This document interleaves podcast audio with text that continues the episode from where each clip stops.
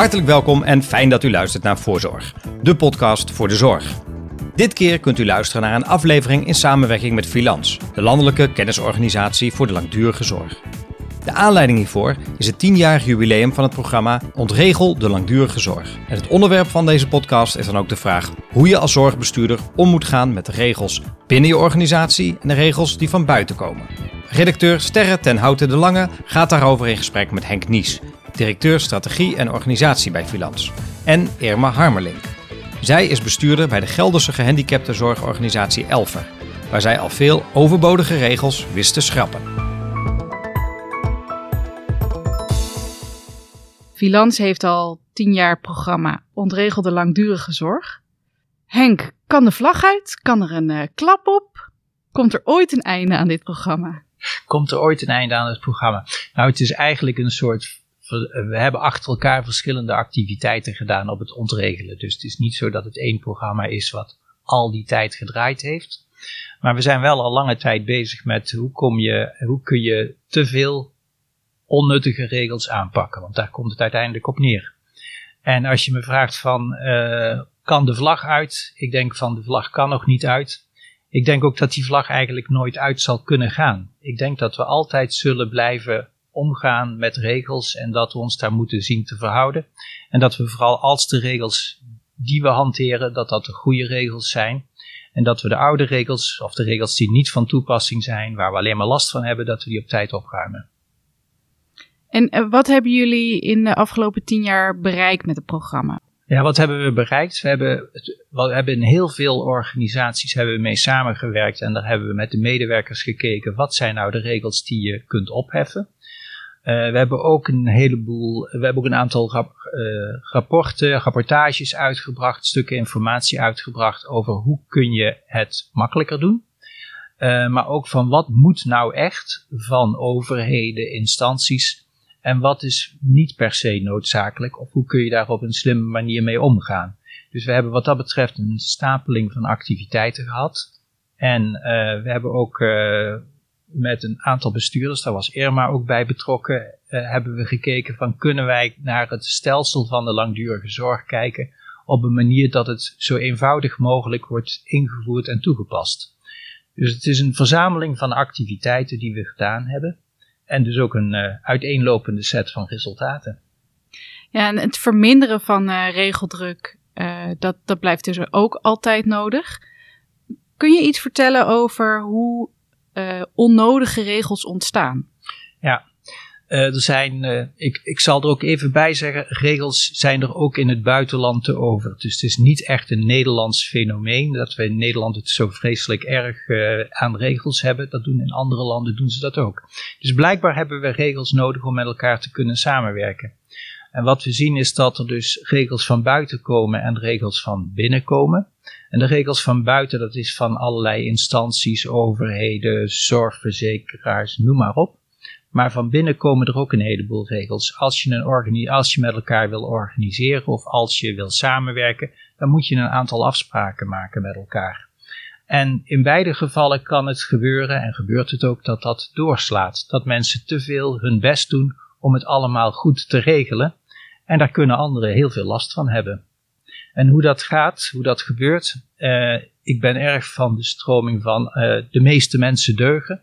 Dus dat gebeurt wel met goede intenties, maar het is lang niet altijd zo dat dat goed uitpakt. Dus uh, je ziet dat mensen een probleem zien, een vraagstuk zien waarvan ze zeggen van dat zou nou eens goed geregeld moeten worden. En gaan ze regels bedenken. En wat er heel vaak niet gebeurt, is dat ze met degene voor wie ze die regels bedenken, dat ze daar afspraken mee maken van is dit nou functioneel voor jou? Helpt jou dit nou om de goede dingen te doen?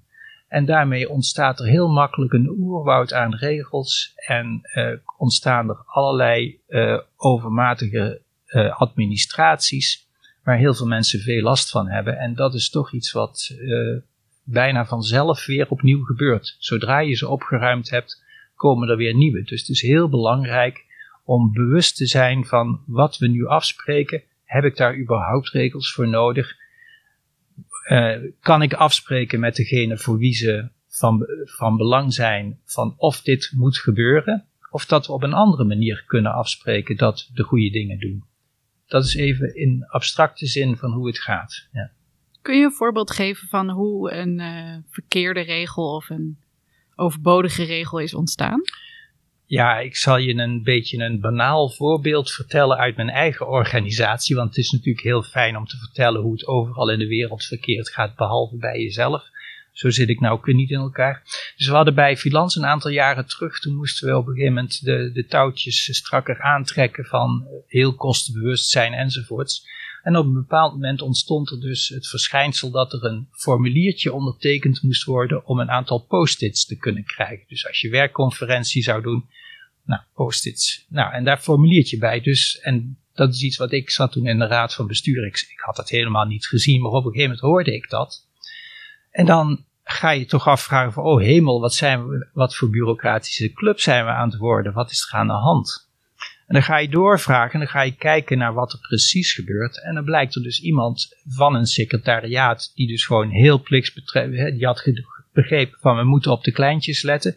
Die had bedacht, ja die post-its die vliegen als broodjes over de toonbank, die dingen zijn knetterduur. Uh, laten we dat gaan regelen. Dus die heeft daar een formuliertje voor gemaakt om te zorgen dat dat niet uit de hand zou lopen, dat gebruik van die dingen.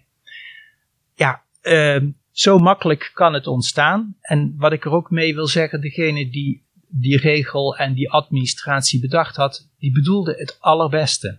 Alleen andere mensen hadden er echt last van en die vonden dat heel vervelend. Nou ja, op een gegeven moment ga je met elkaar eventjes in gesprek van hoe kan het anders. En dan is dat ook alweer zo opgelost. Maar je moet het niet laten voortbestaan. Je moet er wel naartoe gaan. En je moet niet tegen die persoon zeggen van je hebt het verkeerd gedaan. Want die had het vanuit haar perspectief echt goed bedoeld. En als je er met elkaar over spreekt, kom je tot een andere oplossing die ook goed is. Dat is op microniveau hoe het kan gaan. Op macroniveau, als je ziet van allerlei instanties die we hebben die voor de kostenbeheersing zijn, die zorgen dat de kwaliteit geborgd moet zijn, die gaan ook van dit soort formuliertjes bewijzen van spreken bedenken, die gaan ook dit soort mechanismen bedenken. En vanuit hun perspectief en hun rol in het systeem is dat misschien best wel slim om te doen. Maar er moet wel iemand zijn die zegt van, is dit nou wel functioneel wat je nou bedacht hebt? En hoe werkt dat uit in de praktijk? Want natuurlijk, met die post-its gaan mensen toch iets zitten te bedenken dat ze die post-its ook kunnen pakken, zonder dat ze daar dat formuliertje voor moeten invullen.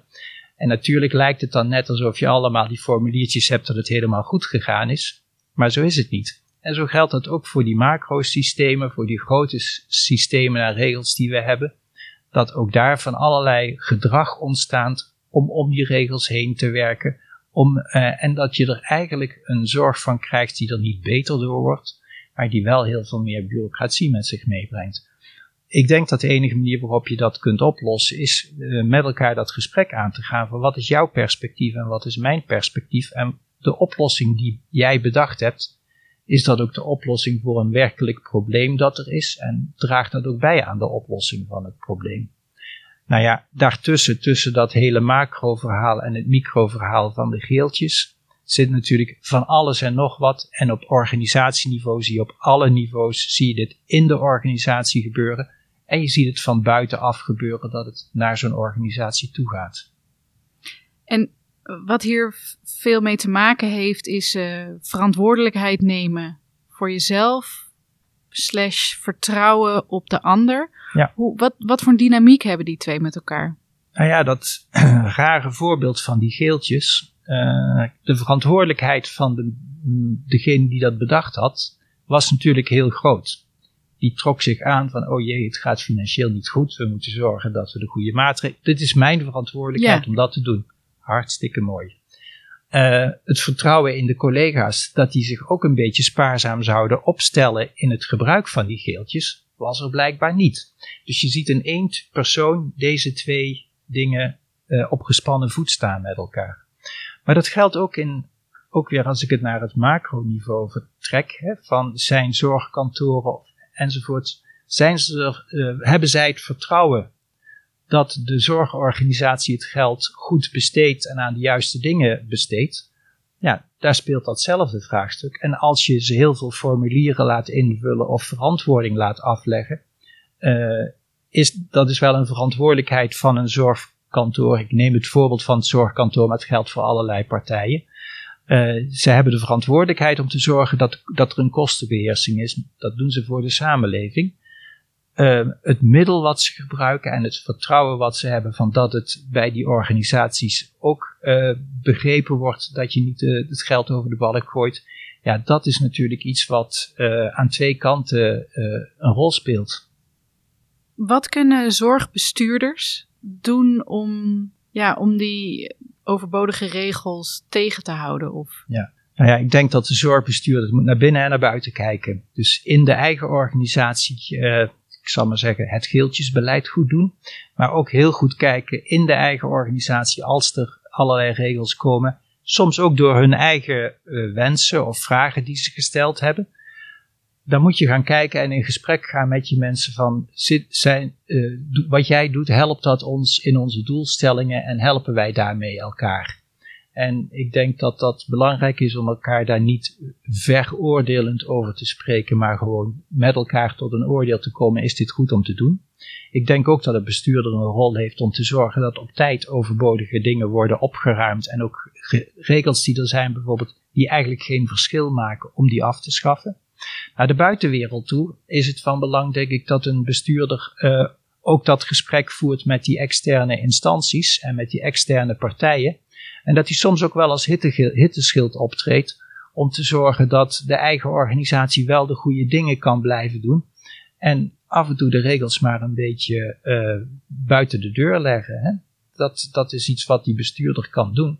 En die kan soms ook organiseren dat uh, al dat geregel om, en de druk van de regels niet bij de mensen, bij de medewerkers in de directe zorg terechtkomt, dat er een groepje mensen is die daarvoor zorgt als dat niet aan te ontkomen is. En soms zal die bestuurder moeten opstaan om te zeggen, beste instantie, dit draagt niet bij aan goede zorg, dit gaan we niet doen.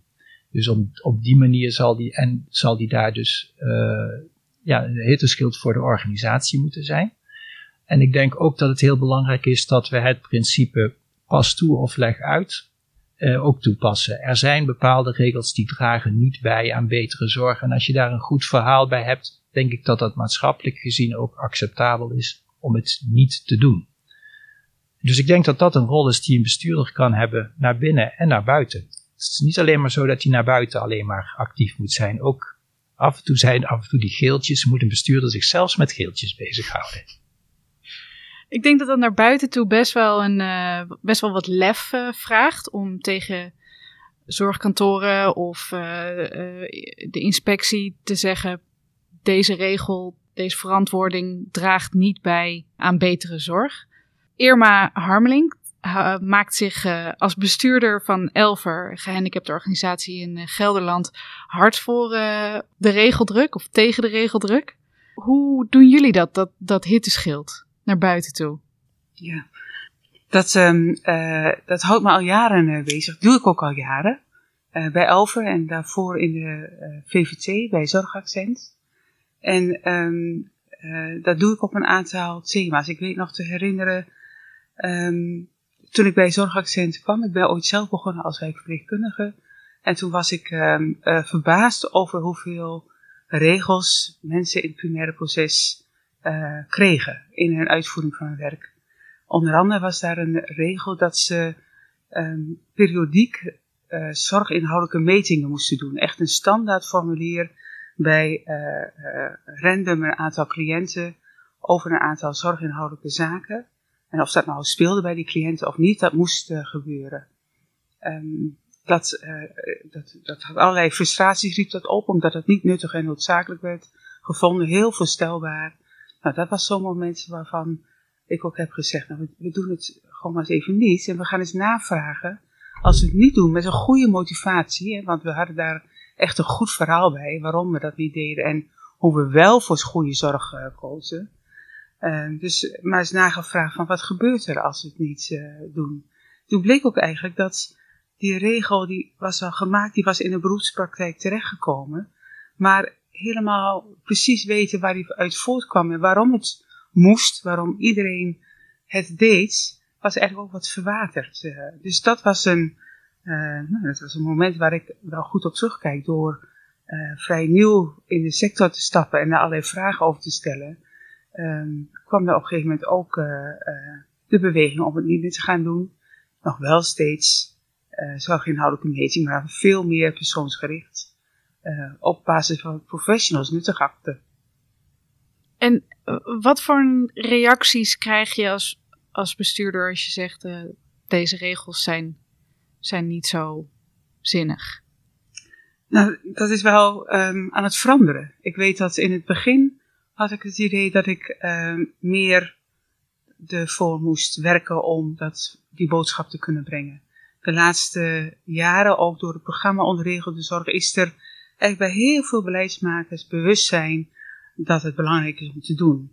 Uh, ook omdat we uh, daar natuurlijk klachten over krijgen over het werkplezier van uh, mensen die in primaire processen werken. En we vinden het allemaal heel belangrijk dat dat werkplezier er is, want dat is direct weer relatie met kwaliteit van zorg.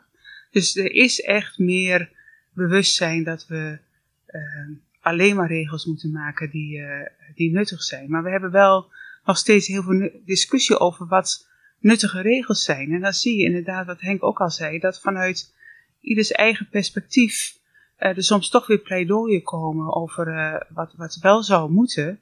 Maar bij elkaar opgeteld zie ik nog steeds dat het dan uh, te veel is. Dus veel goede bedoelingen.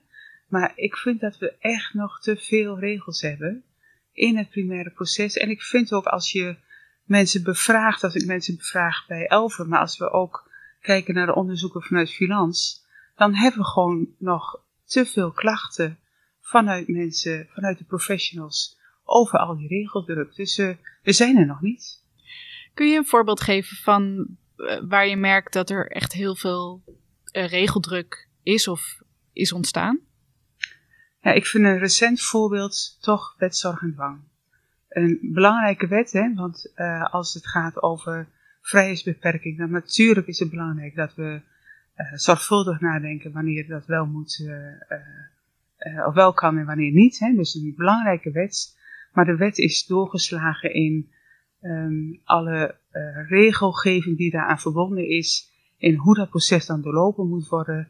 En in de registratie over die wet. Wat en moeten jullie bijvoorbeeld doen? Nou, wat wij, de wet regelt eigenlijk het hele proces van multidisciplinair overleg en hoe je dat moet toetsen. Dus dat is vol met regelgeving. En de registratie, daar is nu nog steeds een discussie over. Um, er is een, uh, een, een, registratie die nodig wordt geacht vanuit inspectie en VWS om toezicht te kunnen uh, houden. Daar is gepleit vanuit Actis en VGN om dat beperkt te houden op negen hoofdcategorieën. Uh, nou, daar is geen uh, consensus over bereikt. Dus vanuit IGZ en VWS wordt aangehouden de hele regelgeving met meer subcategorieën.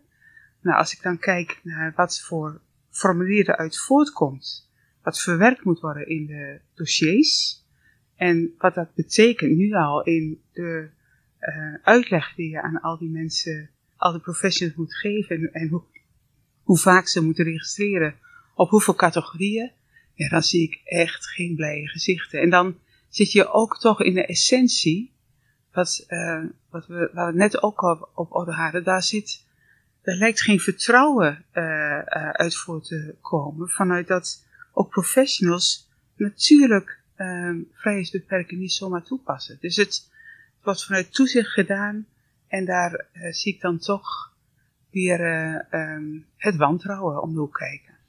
Tegelijkertijd gaat het over iets heel essentieels: een vrijheidsbeperking van kwetsbare mensen. Ik kan me ook wel goed voorstellen dat daar regels voor nodig zijn. Ja, ik ook. Vind ik ook dat, dat, dat die er moeten zijn. Het is uh, belangrijk om uh, uh, met elkaar afspraken te maken. Als je vrijheidsbeperking toepast, dat je daar een proces in loopt hè, vanuit meerdere kanten bezien van professionals.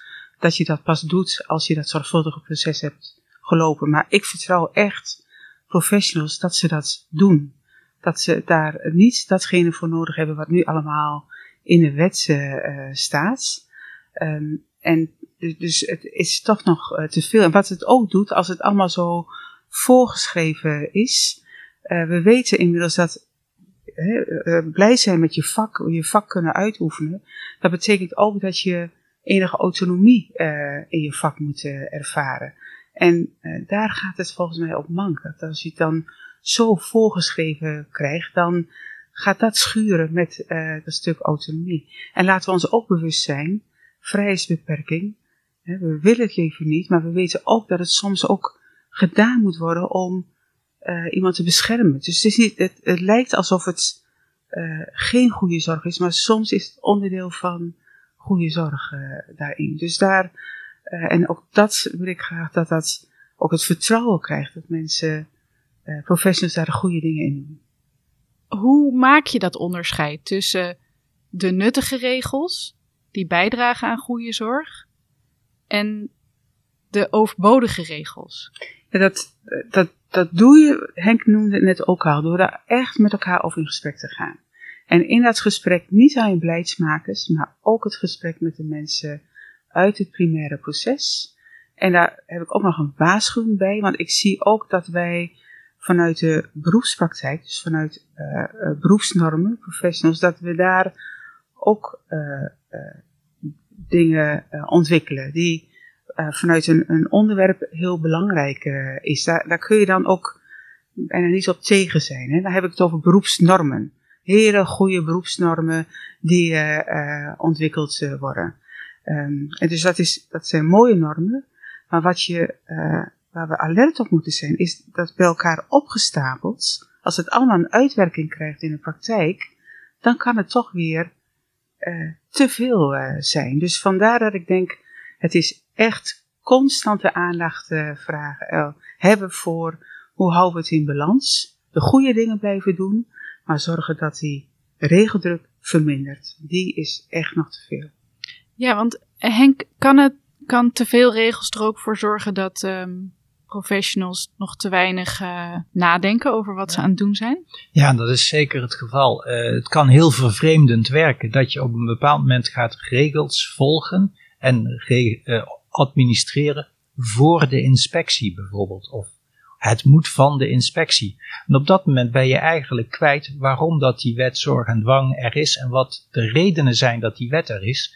Want dan gaat dus de regel domineren boven de bedoeling van die regel. En op dat moment ben je eigenlijk kwijt waarvoor het eigenlijk was. En dan mis je eigenlijk het punt van hoe ga je met vrijheidsbeperking om, want het wordt dan een ding wat je in moet vullen en dat wordt lastig en dan ga je er omheen werken en allemaal dat soort dingen gaan gebeuren. Terwijl eigenlijk dat, dat, die, dat goede gesprek over waarom doen we dit, dat raak je kwijt. Die regel gaat je gedrag domineren en je vergeet waarom dat je het doet. En ik denk dat die waarom vraag, die is altijd van belang. Dat je weet waarom doe je de dingen en als het is omdat het een regel is, dan heb je toch een slecht argument, vind ik. De oplossing die jullie aandragen voor het schrappen van het herkennen en het schrappen van overbodige regels is overleg met elkaar. Als ik nou zorgmedewerker zou zijn, dan zou ik denken: ik vul liever een lijstje in dan dat ik nou heel veel extra moet gaan vergaderen om het te hebben over de lijstjes die ik wel of niet uh, moet invullen. ik snap, ik snap wat je bedoelt. ik, het is namelijk best heel lastig om je eigen normen te moeten stellen. Ik bedoel, je kunt natuurlijk niet eindeloos met elkaar blijven praten en overleggen en zo. Dat is niet de bedoeling. Maar als jij de, jouw eigen norm van het goede of het verkeerde moet stellen, dat is niet zo heel makkelijk. Het voordeel van lijstjes die je in moet vullen, dan lijkt het alsof je het goede gedaan hebt, want je hebt het lijstje ingevuld. Dus dat is best een ook wel weer, het is een hoop werk, maar het is ook wel weer een makkelijke oplossing om zeker te weten dat je het goed gedaan hebt en dat je niet op je kop zult krijgen, denk je. Maar is dat moreel gezien wel het juiste om te doen? En als je zegt van ja, ik moet kijken per persoon, wij willen allemaal persoonsgericht werken enzovoorts, dan zul je per persoon moeten kijken wat is het goede om te doen dat wij met elkaar afspreken. Dat is niet altijd heel makkelijk en er komen ook je professionele normen en al dat soort zaken komen daarbij uh, ter sprake. Uh, dus het is ook wel een beetje makkelijk om met regels te werken.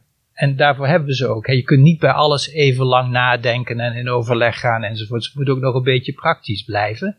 Maar de essentie is wel dat klakkeloos een regel toepassen zonder te weten en te bedenken waarom dat je hem hebt, is denk ik moreel niet goed, is denk ik ook instrumenteel niet goed. Uh, maar je hoeft niet over alles in discussie te gaan. Maar het is wel van belang om te zorgen, vervreemd niet van je, van, van je werk door blind de regels te volgen. En het wordt er niet altijd makkelijker door, dat is ook zo. Maar goed, daarvoor ben je ook professional om daar een goede oplossing voor te vinden. Ja, en mijn ervaring is dat um, ik heb zowel uh, in mijn baan bij Zorgaccent als bij Elver heb ik um, als bestuurder uh, echt veel aandacht besteed aan hoe kunnen we intern opruimen. Hè? Dus, dus zorgen dat we daar waar we zelf invloed hebben, dat we uh, de regels die we niet nuttig en noodzakelijk vinden, dat we die schrappen. Vanuit het principe, we willen dat het eenvoudig georganiseerd is dat uh, de regels die er zijn, dat het dus daadwerkelijk het primaire proces goed ondersteunt en op basis van het uh, vertrouwen. Um, dan heb je heus uh, behoorlijke klus te, te doen. En daar is ook een klus waar ik vind waar je als bestuurder echt mee moet gaan bemoeien. Want je ziet ook dat binnen de organisatie er allerlei veronderstellingen zijn van dingen die moeten. Waar je zelf ooit misschien zelf wel inderdaad debet aan bent geweest. Hè? Dus dan moet je ook weer helpen om op te ruimen. Um, en dan uh, krijg je wel discussies over wat nuttig en noodzakelijk is. Maar meestal kom je daar ook, vind ik, heel goed uit. Um, en het grote uh, voordeel van die discussies is dat je inderdaad tot de essentie komt van als wij die persoonsgerichte zorg willen bieden en dat doen we vanuit de visie, ja, dan, dan uh, krijg je ook de goede gesprekken om uh, te bepalen hoe je nou die visie omzet in de praktijk. Dus ik vind dat eigenlijk altijd heel erg de moeite waard om dat wel te doen. En dat geeft ook heel veel plezier, want het opruimen van dat wat je zelf hebt bedacht en wat niet meer nuttig is, ja, dat, dat geeft ook weer lucht dan. Dus, dus ook je medewerkers vinden het fijn om, om de regels te, te, bespreken en die krijgen daar ook energie van. Ja, en ik herken dat er zeker medewerkers, of dat, dat medewerkers ook blij zijn met regels. Regels die nuttig en noodzakelijk zijn, dat geeft, uh, dat is goed in de samenwerking, dat geeft duidelijkheid ook naar cliënten toe, dat geeft onderlinge duidelijkheid. Dus ook ik uh, ben heel blij met uh, verschillende regels binnen de organisatie. Maar um, wel, het moet wel nuttig en noodzakelijk zijn, het moet uitgelegd kunnen worden. Dat, dan ondersteunt het uh, het werk. Ja, snappen helpt ook al. Klopt, wij doen, we hebben natuurlijk regels um, die, die zeggen over dat je moet registreren, maar anders kunnen we de rekening wegdoen. Ja, dat is niet het leukste om te doen, maar als ik dat uitleg, dat is uh, belangrijk, anders krijgen we het geld niet binnen. Dat snapt iedereen. En dat is, dat is ook geen regel waar, waar mensen last van hebben. Als die regel zodanig is dat hij heel ingewikkeld is gemaakt. En dat je op, op 20 codes moet registreren. Ja, dan heb ik weer een hitteschildfunctie om naar de financier te gaan en te zeggen: kunnen we dat nou niet eenvoudiger doen? Maar dat je dat soort dingen doet, dat hoort erbij. Ja, Henk, um, we hebben het gehad over regels die overbodig zijn.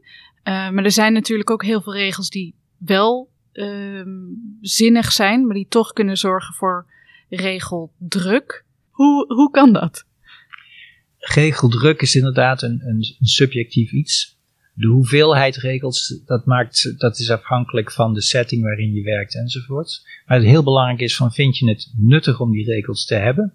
En kun je begrijpen waarom ze er zijn? En dan wordt het al een heel stuk makkelijker om mee te werken.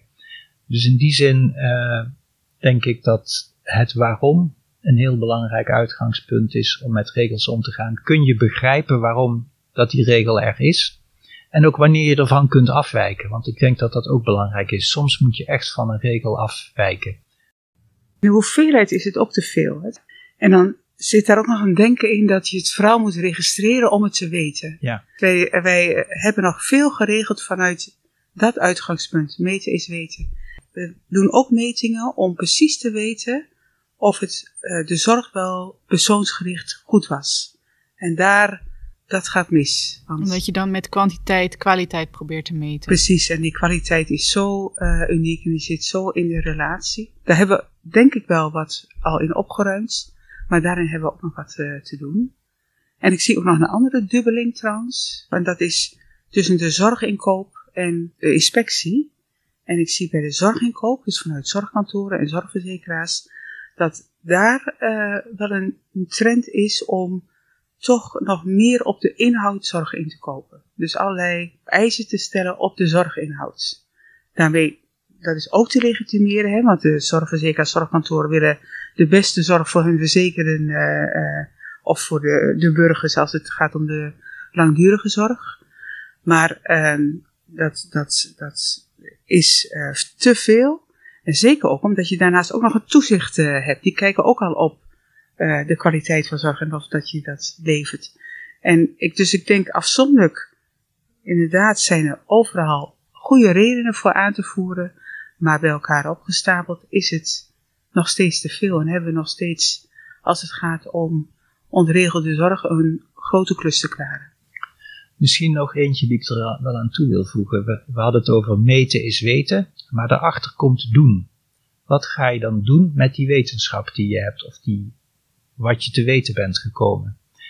En uh, heel vaak is dat doen, dat is er niet. Of dat is niet een duidelijk beeld bij van wat kun je dan doen als je dit weet.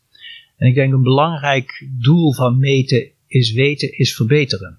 Dus als je niet een perspectief hebt van dat wat je doet, wat je gemeten hebt, dat je dan een actie kunt ondernemen om het beter te krijgen, denk ik van hoef je het niet te weten. En natuurlijk, we moeten verantwoorden enzovoort. Dat is, dat is ook eh, dat is een doel op zich geworden. Maar verantwoorden heeft naar mijn gevoel ook als doel dat we daarmee weten waar gaan we de middelen uitgeven om te kijken van kunnen we het daarna beter doen. Dus als er niet een handelingsperspectief achter zit van dan ga ik iets doen met datgene wat ik weet, is het niet zinvol om te meten. Dus ik denk dat we daar, uh, dat die vraag van wat en wat doe je er dan mee? Want dat is ook een vraag die je heel vaak aan allemaal gegevensverzamelaars uh, kunt stellen. Ja, heel vaak komt er dan geen antwoord op. Behalve dan dat we het verzamelen, want dan weten we het. Ja, dat is toch een te dun antwoord, denk ik. Ik heb daar nog een mooi voorbeeld van. Uh, volgens mij is daar een ontwikkeling in geweest in um, het melden van incidenten. Dat doen we in alle organisaties. En um, je hebt in veel organisaties ik herken het ook in mijn eigen organisatie, dan heb je een, een gegenereerd uh, rapport over alle meldingen die zijn geweest. En dan kijk je daarna met een groep mensen en dan uh, komt de grote vraag, wat leert ons dit nou? En dan, als je verder gaat in een analyse, dan kom je erachter ik moet echt dieper de verhalen in om, om daar echt iets van te leren. Dus um, wat wij nu inmiddels uh, doen is minder belang hechten aan het grote gegenereerde rapport, maar veel meer het proces inrichten en, en ook in de, hoe het geregistreerd wordt, echt ondersteunen dat teams um, daarop kunnen reflecteren. Want hierin telt toch echt vaak elk verhaal van een incident, dat je daar kunt kijken hoe je kunt uh, verbeteren. Ik denk dat dat uh, ook in ontregelde zorgprogramma's, dat het veel aandacht heeft gehad en dat daar inmiddels nieuwe vormen voor zijn gevonden. En dat het dus daarmee ook, um, uh, als het gaat om het registreren van incidenten, dat mensen in het primaire proces dat, dat doen omdat ze het nut en noodzaak ja, zelf direct terugzien in hun werk. Dus eigenlijk zeg je van, van één um, casus van een incident, als je dat echt uitspit, kun je veel meer leren dan weten dat je tien incidenten hebt gehad in een maand, in een jaar. Dat, dat is afhankelijk van een uh, incident, maar je kunt ook um, de situatie hebben dat. Um, tenminste, ik herinner mij dat wij uh, bij sommige cliënten zagen heel veel uh, incidenten. En dan was het al lang besproken multidisciplinair dat het een gecalculeerd risico was, hè, dat het zo zou zijn. En dan werd het toch geregistreerd, omdat ze ja, maar dat moeten we toch registreren. Zijn het dan nog wel incidenten eigenlijk? Ja, dat in het, in het uh, systeem was dan de beleving, dat moet dan toch, want het is toch een incident. Waar het om gaat is dat dan in de uh, multidisciplinair met verwant, met uh, bewoner, is gekeken naar wat, wat is het voor uh, incidenten? Vinden wij dat oké? Okay, Stel dat het gaat om iemand die heel veel bewegingsvrijheid nodig heeft, en, maar wel eens uh, valt. Ja, dan vallen is iets wat je als incident beschouwt in het systeem. Moet je dat, dat opschrijven. Maar het is een, in die situatie kan het een heel gecalculeerd risico zijn, want die persoon beperken in zijn bewegingsvrijheid en dat voorkomen, ja, dat, dat kan erger gevonden worden. Dus dat is een voorbeeld hoe het uh, van belang is om uh, het denken over incidenten vooral in het primaire proces te houden. En niet in een moedsysteem uh, waar de analyse dan te ver af van de situatie wordt gedaan. En wat wij heel veel zien is bijvoorbeeld in het programma Waardigheid en Trots, is dat er dus incidenten niet gemeld worden. En als ze gemeld worden, dan gebeurt er verder niks mee. Dus er wordt er geen follow-up gegeven. En dat komt soms omdat men te druk is en wat dan ook, maar ook omdat het niet veilig is in een organisatie. Dat mensen zich niet veilig voelen om er is iets misgegaan of iets wat ik niet bedoeld had en dat je daar niet over kunt praten. En hier is ook weer het verhaal, je kunt het registreren en melden, maar als je niks ermee doet op individueel niveau van deze casus uitzoeken van wat is er precies gebeurd, of organisatorisch, hè, van wat, wat zit er in iets in dat team dat het telkens gebeurt, bijvoorbeeld, of is die afdeling niet veilig, of is dat gebouw niet veilig, of wat dan ook. Dus je moet er altijd weer een opvolging aan geven. Dus je kunt meten wat je wil, maar als je er niks mee doet, heb je er niks aan. Ja. En wat daarin ook belangrijk is, is inderdaad de, um, als dingen gedaan worden omdat ze uh, moeten vanuit de externe wereld, dus vanuit de inspectie of vanuit het zorgkantoor. Dat uh, geeft inderdaad in de organisaties een, een minder veilig gevoel voor het reflecteren en leren. Ja. Dat uh, als, als mijn taal is, uh, als bestuurder ook, je moet dit doen, want de inspectie houdt toezicht. Dat is een, een taal die ik, die ik niet gebruik, omdat ik weet dat creëert onveiligheid. Dat is eigenlijk belemmerend in reflecteren en leren. Als ik uh, zeg van, um, uh, hè, ik, ik, ik, vind het, ik vind het belangrijk dat jullie uh, tijd nemen om goed na te denken over de dingen die, die voorkomen en dat samen met elkaar bespreken. Dan krijg je een heel ander klimaat. en ik denk dat dat veel meer kansen geeft voor goede zorg. Ja. En plezierig werk. Ja. En dat is minstens zo belangrijk. Ja, dan kom je eigenlijk ook weer terug op de drie um, uh, pijlers waarop jullie je regels bepalen, wat je al in het begin zei. Uh, je moet vertrouwen in de professional hebben, de regel moet eenvoudig zijn en het moet bijdragen aan betere zorg. Ja. En daar kan je eigenlijk ook al die niveaus uh, aan toetsen. Dus intern opruimen, wat je, wat je zelf hebt bedacht. Naar buiten toe vast aan het hitteschild vasthouden. Draagt dit bij aan goede zorg? Spreekt dit, spreekt het uh, vertrouwen uit naar de professionals? En uiteindelijk blijft er dan nog ook een, een, een hoopje over met uh, de regels die wel zinnig zijn. En dat weet je dan ook. En dan voelt het gelijk als minder regeldruk. Precies. Helemaal precies. Nou, dank jullie wel voor deze uh, uitleg over regels, hoe ze ontstaan, uh, wat voor dynamiek erachter zit en hoe je ze weer op kunt ruimen. En uh, tot de volgende voorzorg. Graag gedaan, dankjewel. Okay, tot ziens. Tot zover deze aflevering van Voorzorg, gemaakt in samenwerking met Filans. De montage was in handen van Sterren ten Houten de Lange en Ties Timmers. De muziek die u hoort is gemaakt door Bram Brouwers en mijn naam is Sietse Wilman. Vond u dit een interessante podcast? Beluister dan ook eens onze andere afleveringen en neem een abonnement via uw favoriete podcast-app. Voor nu, hartelijk dank voor het luisteren en heel graag tot de volgende voorzorg.